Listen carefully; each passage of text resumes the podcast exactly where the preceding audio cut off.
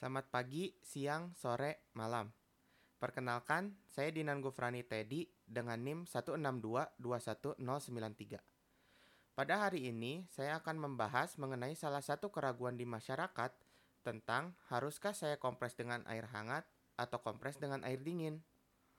Kompres merupakan sebuah kata yang memang sudah sangat awam di kuping kita. Akan tetapi, apa sih pengertian sebenarnya? Kompres adalah salah satu tindakan terapi non-farmakologi yang biasanya digunakan dalam kondisi tertentu sehingga bisa memulihkan tanpa bantuan obat-obatan. Terdapat dua macam kompres, yaitu kompres hangat dan kompres dingin. Akan tetapi, masih banyak orang yang salah dalam memilih kedua jenis kompres ini. Hal ini tentunya dapat memperburuk keadaan, terutama ketika demam maupun cedera. Oleh sebab itu, kita perlu pahami bagaimana penggunaan kompres hangat dan dingin yang tepat. Kita mulai dari kompres hangat. Kompres hangat dilakukan dengan menempelkan handuk atau kain hangat pada permukaan kulit. Suhu hangat merangsang termoreseptor pada kulit untuk mengirimkan sinyal ke otak. Hipotalamus di otak akan bereaksi dan menghasilkan respon yang disebut vasodilatasi. Ketika vasodilatasi terjadi, pembuluh darah akan melebar sehingga darah akan mengalir lancar dan peningkatan suhu terjadi lebih cepat. Akibatnya, panas dapat membuat otot lebih rileks dan otak juga akan menurunkan suhu tubuh menjadi normal. Lalu, pada saat kapan saja sih kita harus melakukan kompres hangat? Kompres hangat dapat digunakan pada kondisi berikut Pertama, demam. Kompres hangat dapat meningkatkan suhu tubuh lebih cepat, sehingga demam dapat menurun. Lakukan kompres hangat pada lipatan-lipatan tubuh, seperti lipatan lutut, siku, ketiak, selangkangan, ataupun pada leher belakang. Kedua, di sendi atau otot yang kaku. Mengompres sendi atau otot yang kaku menggunakan metode ini mengakibatkan pelebaran pembuluh darah, sehingga tidak terjadi penumpukan asam laktat Selain itu, hal ini juga dapat membuat otot lebih rileks. Ketiga adalah kram. Kompres hangat akan mengakibatkan relaksasi yang dapat menurunkan nyeri ketika kram, terutama saat menstruasi. Keempat adalah cedera setelah fase akut. Kompres hangat hanya dapat digunakan pada cedera yang sudah melewati fase akut, yaitu lebih dari 0 sampai 48 jam setelah cedera Hal ini dilakukan karena pada fase akut terjadi vasodilatasi yang menyebabkan adanya darah lebih banyak pada lokasi cedera. Apabila digunakan pada fase akut, maka akan memperburuk inflamasi dan meningkatkan nyeri. Cara melakukan kompres hangat, pertama-tama siapkan air hangat dengan suhu kurang lebih 40 derajat Celcius. Kemudian, basahi handuk atau kain atau waslap dengan air hangat. Peras kain agar tidak terlalu basah. Letakkan kain pada daerah yang akan dikompres. Lakukan kembali ketika kain sudah kering atau suhu kain mulai dingin. Kompres selama 20 menit. Nah, apakah kalian masih salah dalam menerapkannya? Kita lanjut dulu ke kompres dingin. Dalam penerapannya, kompres dingin akan menyebabkan vasokonstriksi.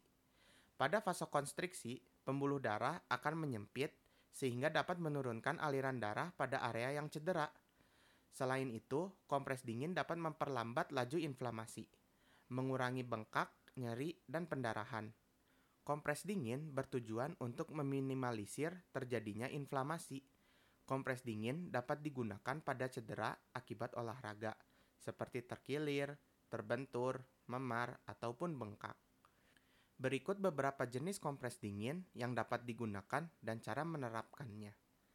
Pertama, handuk es. Cara melakukannya, pertama, basahi handuk dengan air dingin. Peras handuk hingga lembab. Lipat handuk dan masukkan ke kantong plastik. Bekukan handuk selama 15 menit, lalu keluarkan dari kantong plastik dan letakkan di area yang cedera. Kedua adalah ice pack. Pertama-tama, masukkan es batu sebanyak setengah kilogram ke dalam kantong plastik. Tambahkan air secukupnya. Keluarkan udara dari kantong plastik dan tutup rapat. Kemudian, bungkus dengan handuk basah dan letakkan pada area yang cedera. Ketiga adalah cold pack. Pertama-tama masukkan cold pack ke dalam freezer selama satu jam. Lalu tempelkan pada area yang cedera. Ada beberapa hal yang perlu diperhatikan. Pertama, ketika melakukan kompres dingin, jangan menggunakan es yang langsung ditempelkan. Gunakan media handuk atau kain atau ice pad. Kemudian, lakukan gerakan sirkular selama kompres dingin untuk menghindari risiko frostbite atau kerusakan jaringan kulit. Ketiga, jangan gunakan kompres dingin pada luka terbuka, luka bakar, kram, demam, ataupun sebelum berolahraga. Keempat, jangan gunakan kompres hangat pada cedera yang terasa hangat ketika diraba. Kelima, lakukan kompres maksimal 20 menit. Keenam, dan yang terakhir, hindari suhu yang ekstrim, seperti terlalu panas atau dingin ketika mengompres. Kemudian, solusi agar kalian tidak salah mengompres dengan air hangat atau dingin adalah membaca info-info lewat internet sebelum kalian mengompres. Karena hal ini memang kesalahan yang sering terjadi di masyarakat. Selain itu, kalian juga dapat mengingat bahwa sesuatu yang panas akan menyebabkan vasodilatasi, atau lebih sederhananya, mereka dapat membuat otot menjadi rileks dan dapat menurunkan suhu tubuh menjadi normal. Kemudian, untuk kompres dingin, dapat kalian ingat bahwa mereka akan menyebabkan vasokonstriksi atau lebih mudahnya dia akan menyebabkan pembuluh darah menyempit yang digunakan untuk mengobati cedera akibat olahraga seperti terkilir, terbentur, memar, ataupun bengkak. Selain solusi untuk para masyarakat, solusi untuk farmasis pun dapat berpengaruh.